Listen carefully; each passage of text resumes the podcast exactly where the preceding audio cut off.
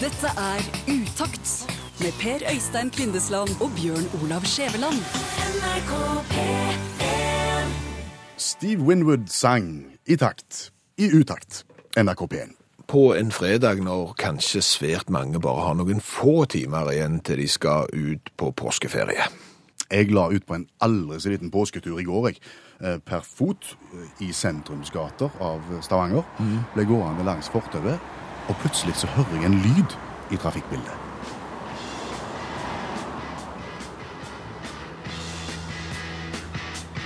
En lyd som plutselig kommer nærmere og nærmere og nærmere. Plutselig så er det kjempehøyt idet lyden passerer meg. Og så forsvinner det i horisonten og blir vekke. Ja. Rockemusikk. Kjempehøy rockemusikk. rockemusikk. Men det er jo sant. Når det begynner å bli vår, og, og ungdommene skal ut og få prøve den eh, Volvo 740-en som de har brukt hele vinteren på å så pusse opp, så må de få lov å rulle ned vinduene og, og sette popanlegget på 11. Jeg tenkte kanskje òg at det var det som kom, men det var ikke det som kom forbi. Ja Det var et fjell av en motorsykkel. En mann som nesten lå på fjellet, med hjelm og skinndress, og spilte kjempehøyt. På motorsykkel. Jo, jo. Er det vanlig, det? Men jeg tenker at hvis du er ute og kjører motorsykkel og, og, og skal kjøre langt, så, så er det jo litt stusslig liksom, å sitte der i bare sin egen motordur. Sånn, så kjekt er det jo ikke, så, så det er vel på samme måten så det er når du kjører bil, at det er jo greit med litt musikk på, på turen. Han lagde ganske mye støy, den motoren òg, tenker jeg. Og trafikkstøyen er jo ganske påtagelig også i sentrumsgatene. Så hva du får igjen, hva du hører av musikken du spiller på stereoanlegget, i tillegg til at du har en tette hjelm på hodet. Det er den gleden du snakker om over å kose seg med litt musikk på veien. Jo, jo, men det er vel kanskje derfor du må spille så høyt, fordi at du har hjelm, og du har en motorsykkel som bråker, og i tillegg så er det trafikk rundt, da må du jo skru opp. Sånn blir det jo bare. Har de hørt om øreplugger? Har de hørt om headset? Så det går an å lure inn i hjelmen, så får du jo samme effekten som du snakker om, og så forstyrrer du ingen andre. Ja, og jeg, altså, jeg tror det finnes faktisk hjelmer med små høyttalere i, og, og øreplugger finnes det jo, men, men det er vel gjerne det at eh, når du er ute og kjører, så må du ha en viss kontroll over trafikkbildet. Du må høre hvis det kommer et utrykningskjøretøy, du må høre hvis det er en eller annen For å si det sånn, Han som kjørte forbi meg i går, han hadde ikke hørt noe som helst hvis det hadde kommet noe som helst. Det eneste han hadde hørt, var Steppenwolf.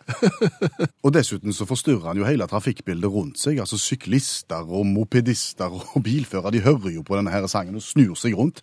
Så så jeg tenker at det blir jo minst like forstyrrende sånn. Jo, det, det gjør jo det. Jeg, jeg har opplevd det jeg òg, men vi skal ganske mange år tilbake. Eh, vi skal helt tilbake til når jeg var 18 år, eh, for da hadde jeg en kamerat som hadde kjøpt seg en alvorlig svær motorsykkel med svære kåpe med innmontert eh, høyttaler i. Og han skulle komme og hente meg, for vi skulle ut på tur. Ja. For å si det sånn, du, du hørte det før han kom. Akkurat sånn som meg. Ja. Ja. Eh, Poenget var bare at eh, de, han spilte ikke Steppenwolf. Å nei. Nei, han spilte denne. Har ikke noe øl. Har ikke noe sprit.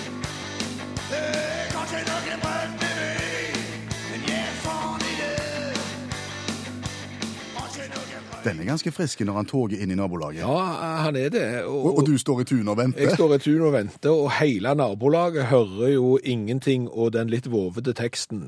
Og liksom foreldrene mine hører jo den teksten og tenker ja vel, det var jo en kjekk kamerat han hadde fått seg, men, men det kanskje det verste er jo at hele nabolaget som sagt hører den teksten der. For av de ti husene som omkransa barndomshjemmet vårt, så var nok åtte av de boligene der, de var veldig aktive i kjerkeringen. Ikke det stolteste øyeblikket. Da vil jeg, jeg vil anbefale øreplugger til alle som kjører motorsykkel og skal spille vovete tekster, iallfall. Ingenting ble det samme etterpå. Ingenting. Overhodet ingenting. Hør min sang til fridommen, sang bandet Glittertind. Hvor høy er Glittertind? Eh, det spørs. Det spørs. Ja, Han kan være 2452 meter, han kan være 2460 meter. Han har sågar vært eh, 2481 meter. Du er sikker på det er en han? Den, det. Toppen skal visstnok være 2452 meter over havet. Men så er det jo isbre på toppen, og i 2016 så, så ble den høyden beregnet til 2460 meter. Men så har det vært mye mer is før, for du vet at det der blir jo varmere og varmere.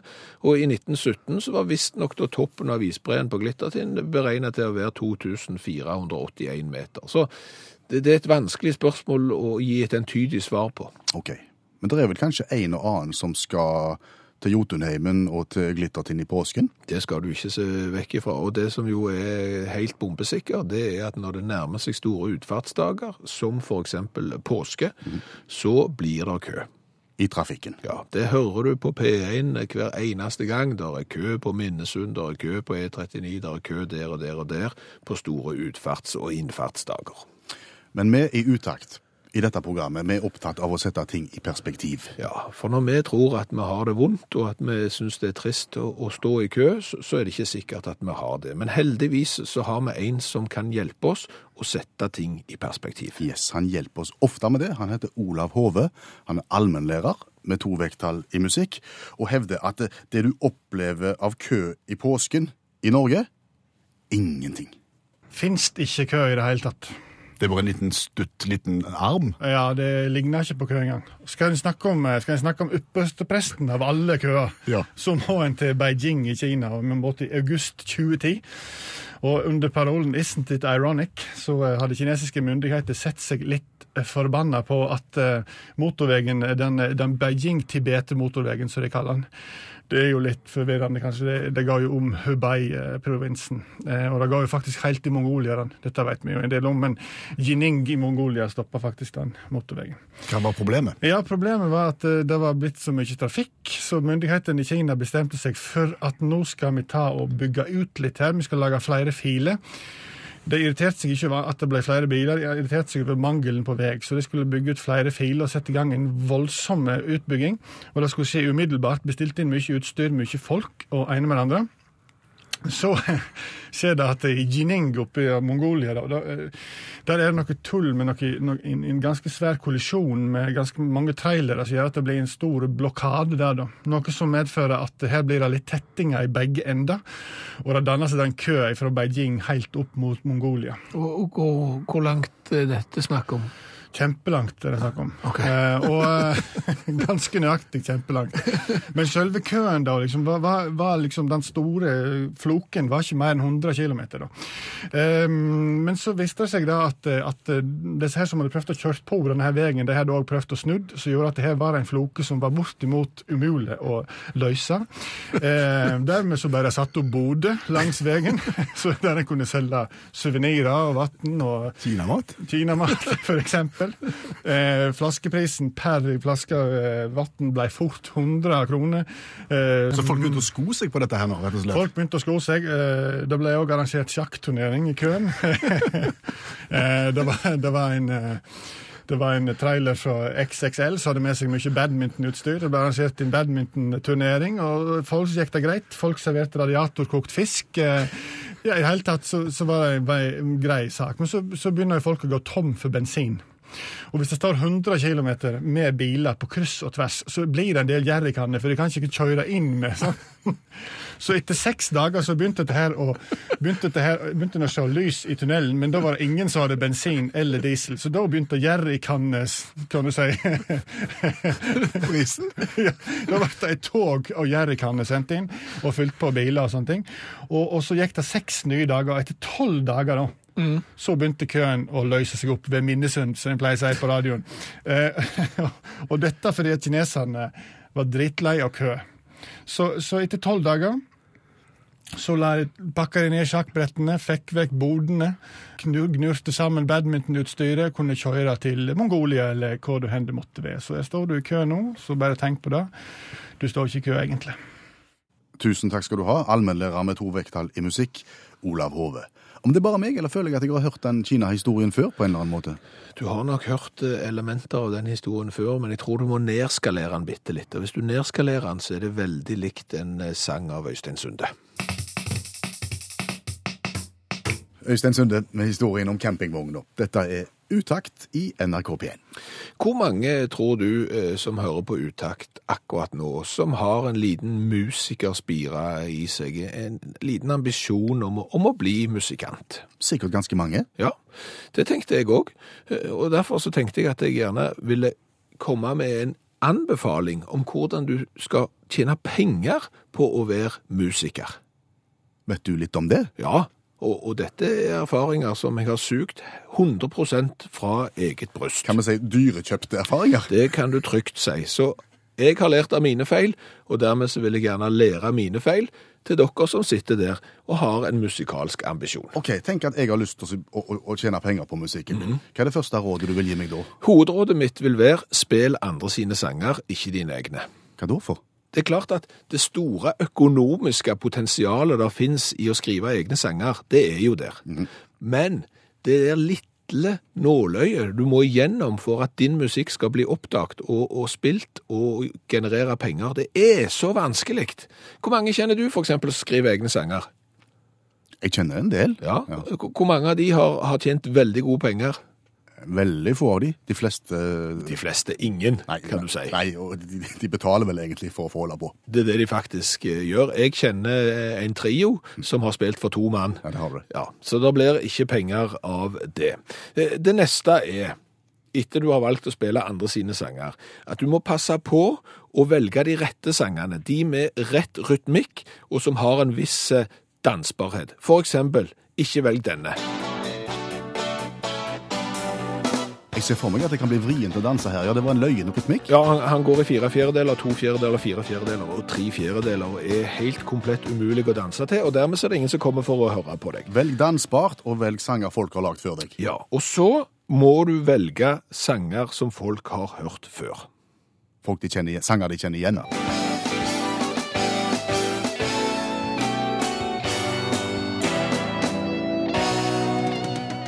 Denne sangen, eksempel, er det nesten ingen som har et forhold til, og ingen gidder komme og, og høre på den. Så, et veldig, veldig viktig råd. Velg lette sanger. Fordi Fordi at velger du vanskelige sanger, så må du øve kolossalt mye på å få det til. Denne sangen, for eksempel.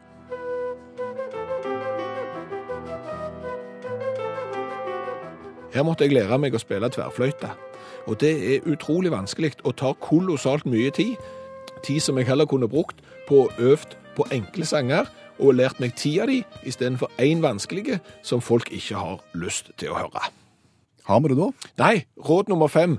Reduser antall medlemmer i bandet. Er det lurt? Ja, det er lurt. Det du nå skal høre, er 13 stykker. Det låter tøft. Men når du skal dele hyra på 13, hvor mye tror du du sitter igjen med da? Ja, det blir snaut. Hvor mye utstyr tror du du trenger? Mye. Er det dyrt med utstyr? Jepp. Ja. Så det vi sitter igjen med nå, fasiten. Spill andre sine sanger, Ja. og vær maks to stykker, og kjøp dere et sånn et. Di-di-di-di-di. Forferdelig å høre på Ja, det, det er helt uh, pyton. Dette er keyboardet mitt, men, men det er det som er resepten. Du må spille sanger folk har hørt før, og du må være maks to stykker.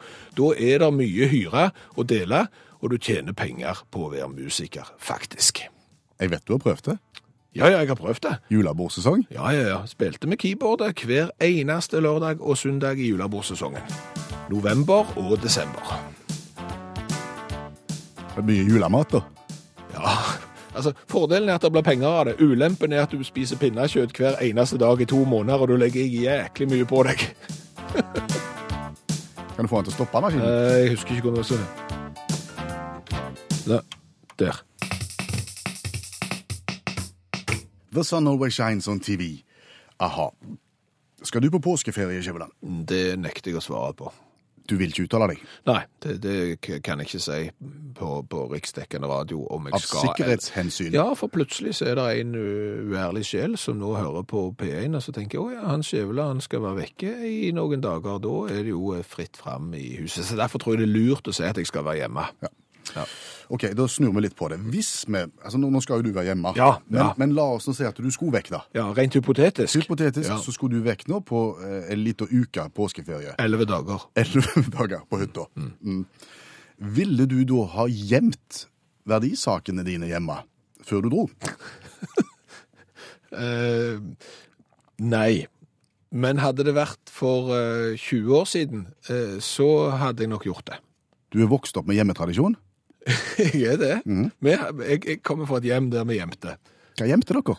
Ja, Sølvtøy, for eksempel. Hvor hendte gjemte dere det? Ja, det var overalt. Eh, Og det er litt spesielt. Loftet var flittig brukt. Og nå er det kanskje noen som hører på radio som ikke kjenner seg igjen og aldri har hørt om eh, dette fenomenet, men jeg vet at dere gjorde det òg. Vi gjorde det også. Det som var greia, alle visste at påsken det var en høytid for innbrudd. Yes. Skulle du på påskeferie, så måtte du finne fram en stor bag, finne fram verdisakene, det kunne være smykkene til, til mor, eh, det kunne være sølvtøy og sånn, så la du det oppi en bag, og så gjemte du den plass. For det kunne jo selvfølgelig ikke ligge i skuffene, for da kunne jo bare de uærlige sjelene komme inn i huset og forsyne seg. Jeg tror fortsatt at påsken er innbruddstid, Ja, ja. men, men jeg er ikke sikker på om folk gjemmer lenger. Jeg tror ingen hjemme er lenger. Eh, Jeg, jeg kjenner ingen i min generasjon, og yngre og eldre som hjemme. Altså, mine foreldre var jo hjemmere, Ja. og dine foreldre var hjemmere. Ja. Men mine foreldre har slutta hjemme. Har de det, ja? Ja, ja.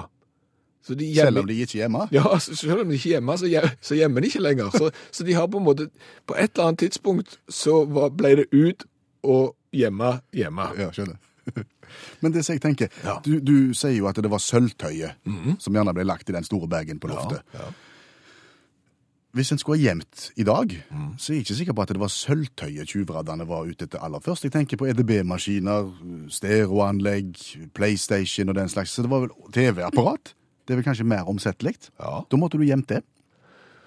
Ja, og det er jo et mirakels når du skal skru ned 63-tommeren fra veggen, og så flytte den opp på et loft du ikke har. Ja, så har du ikke så store bag. Nei, så, så jeg vet ikke hvorfor hjemmetradisjonen forsvant, eh, men, men jeg tror han er, er vekke. Det kan jo hende at det er noen som praktiserer det ennå, men, men, men noe må jo ha skjedd. Det er klart, ett stikkord her kan jo være alarm. Ja. Eh, At alarm ble vanligere i hus etter hvert, og når alarmen kom, så, så var gjerne nødvendigheten av å gjemme ting ikke så store lenger. Nei. Men, men her sitter vi ikke på noen fasit, her sitter vi egentlig bare med en med rekke spørsmål. Som alltid. Ja. Men, men jeg skal være hjemme, så jeg trenger ikke hjemme. Dette er Utakt med Per Øystein Kvindesland og Bjørn Olav Skjæveland.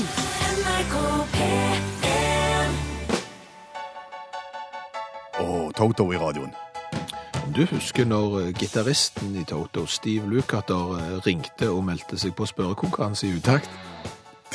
Det var ganske løye. Det var ikke spesielt enkle spørsmål han fikk, for å si det sånn.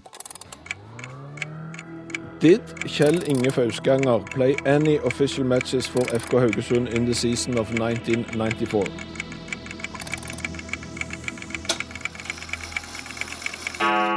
No. Yadla hey. Oh, I'm sorry. He played one. Being that I was a big fan of his, I, I don't know how I missed that. guys, you guys woke me up for this, really? Okay. I can promise you I'm a lot better guitar player than I am a, a question answer. Det stunder jo mot påske. Og påske er jo en tid når svært mange leser bøker. Du leser bøker? Jeg leser krim. Ja. Jeg leser bøker. Du leser krim. Jeg òg leser eh, krim. Og når vi sitter der med de krimbøkene, så får vi en litt dårlig samvittighet. For vi tenker, skulle vi ikke ha lest noe mer eh, si, klassikerne? Skulle vi ikke vært gjennom noen av de i stedet for disse her litt enkle krimbøkene? Ja, Noe som var oppbyggelig og som liksom eh, ga mening. Men så er det jo sånn med den der klassiske litteraturen, bøker som vi burde ha lest, ofte har de kolossalt mange sider i seg. De virker litt sånn der tunge og uoverkommelige, rett og slett. De kan være gammeldagse og, og fremstå rett og slett som gørrkjedelige. Men så kommer du jo da ut i selskapslivet, og så begynner folk å snakke om, om disse bøkene og relatere samtalen til temaer i disse bøkene, og der står du på sida og har ingenting å melde. Det skulle vi gjort noe med. Ja, og det har vi tenkt å gjøre noe med. Fordi at bruk påsken, les all den krimmen dere vil, for hører du på utakt nå, så kan vi lære deg klassisk litteratur på bare få minutter. Altså, det vil si, Vi kan ikke lære deg, for vi har jo ikke lest de. Nei. Men vi har henta en hjelp. Eh, Forfatter og litteraturviter Janne Stigen Drangsholt skal være med oss de neste ukene. Så skal vi ta for oss én sånn klassiker hver eneste uke, og gå kjapt igjennom den, sånn at du er i stand til å kunne den på tre-fire minutter. Og da framstår du jo som kjempesmarte i selskapslivet når du liksom kan ha lest den og den boka. Vi begynner nå.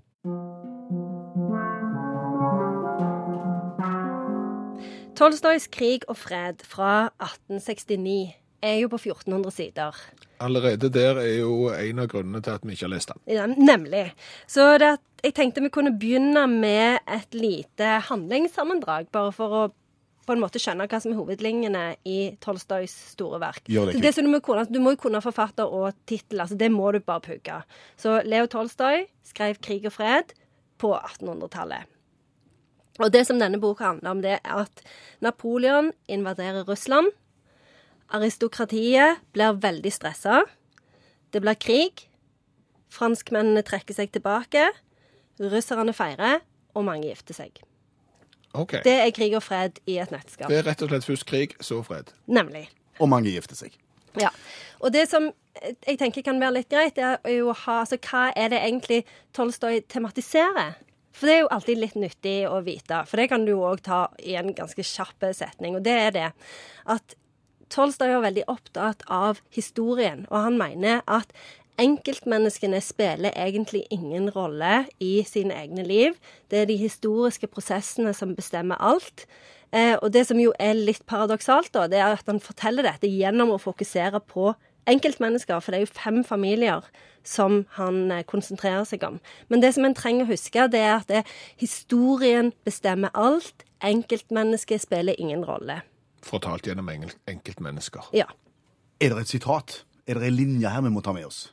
Der er jo ei linje, eh, og den er dette. Du skal dø, og da får du enten vite alt, eller du slutter å spørre. Du skal dø, og da får du enten vite alt, eller du slutter å spørre. Og det synes jeg det er en ganske sånn enkel linje å huske. Eh, den kan brukes i mange sammenhenger, og eh, den eh, er ganske imponerende. Han, det handler jo om døden, og da blir alle litt sånn uff. I, I hvilke samfunnslag vil det være lurest å brife med kunnskap om krig og fred? Ja. Det er sånn at de som blir mest imponerte av at du har lest Krig og fred, det er folk i næringslivet og eh, jurister. Kanskje òg noen ingeniører som syns at krig og fred er greit. Og Grunnen til det det er at eh, Tolstoy tar for seg disse historiske prosessene. Og det syns de er ganske tøft. Pluss at de blir imponert over tykkelsen på boka 1400 sider ser ganske bra ut. Så jeg vil si at hvis du er sammen med noen jurister eh, eller næringslivstopper, eh, eventuelt mellomledere i næringslivet, kjør på med Tolstoy, og du vil komme godt ut av det. Krig og fred, skrevet av Tolstoy på 1800-tallet, handler om Det handler rett og slett om eh, krig og fred, og, og det handler om prosessene, og det handler om at eh, individet ikke er viktig. Fortalt gjennom individ. Og sitatet var Du skal dø, Og da får du enten vite alt, eller du slutter å spørre. og så er det mange som gifter seg i krig og fred. Tusen takk, Janne Stigen Drangsvold, forfatter, litteraturviter, hjelpetrener i friidrett og medlem av FAU. Det går mot slutten, Skjæveland. Hva har vi lært i dag? Jeg syns det har vært et veldig lærerikt utaktprogram i, dag. Jeg har blant annet lært at hvis du sitter i eh, kø i, i påsken i bil, og syns at dette gikk utrolig seint, og uff, så må du ikke klage. Du må se det i et større perspektiv, og, og vi skal til Kina, kanskje verdens lengste og mest komplekse kø, der eh, folk omtrent eh, begynte å, å lage kolonialbutikker ut av bilvinduet fordi at det tok så lang tid før de kom seg hjem. Perspektiv. Og så har jeg vel lært det at eh, hjemmetradisjonen er i ferd med å forsvinne. Den tradisjonen når du gjemmer verdisaker fordi du ikke er hjemme. Ja, hjemme når du ikke er hjemme. Ja, eh, i påsken, som jo er en høytid for innbrudd, i gamle dager, det vil si for eksempel for 20 år siden, da ble verdisaker putta i en bag, lagt på et loft og gjemt bort for at tyvene ikke skulle finne det så lett. Nå gjemmer vi ikke når vi ikke er hjemme. Nei. Og så er det noe jeg allerede kan, som jeg har lært til deg som hører på radio. Det er, vil du tjene penger på å være musikant? Spill andre sine sanger, og kjøp deg et keyboard med rytmeboks. Alt annet er sannsynligvis bare en utgift. Da, der. Og det var det? Det var haugen på nok. Per Øystein Kvinnesland heter jeg. Bjørn Lars Skjæveland heter jeg. Du har hørt Utakt i NRK P1, og neste Utakt-program i radioen hører du tirsdag 3. påskedag. Ja, for nå tar utakt påske... Nei. Eh, Vi skal være hjemme, eh, så det er ingen vits i å prøve seg på innbrudd hos oss. Vi skal være hjemme, og i tillegg så har vi alarm. Snakkes! NRK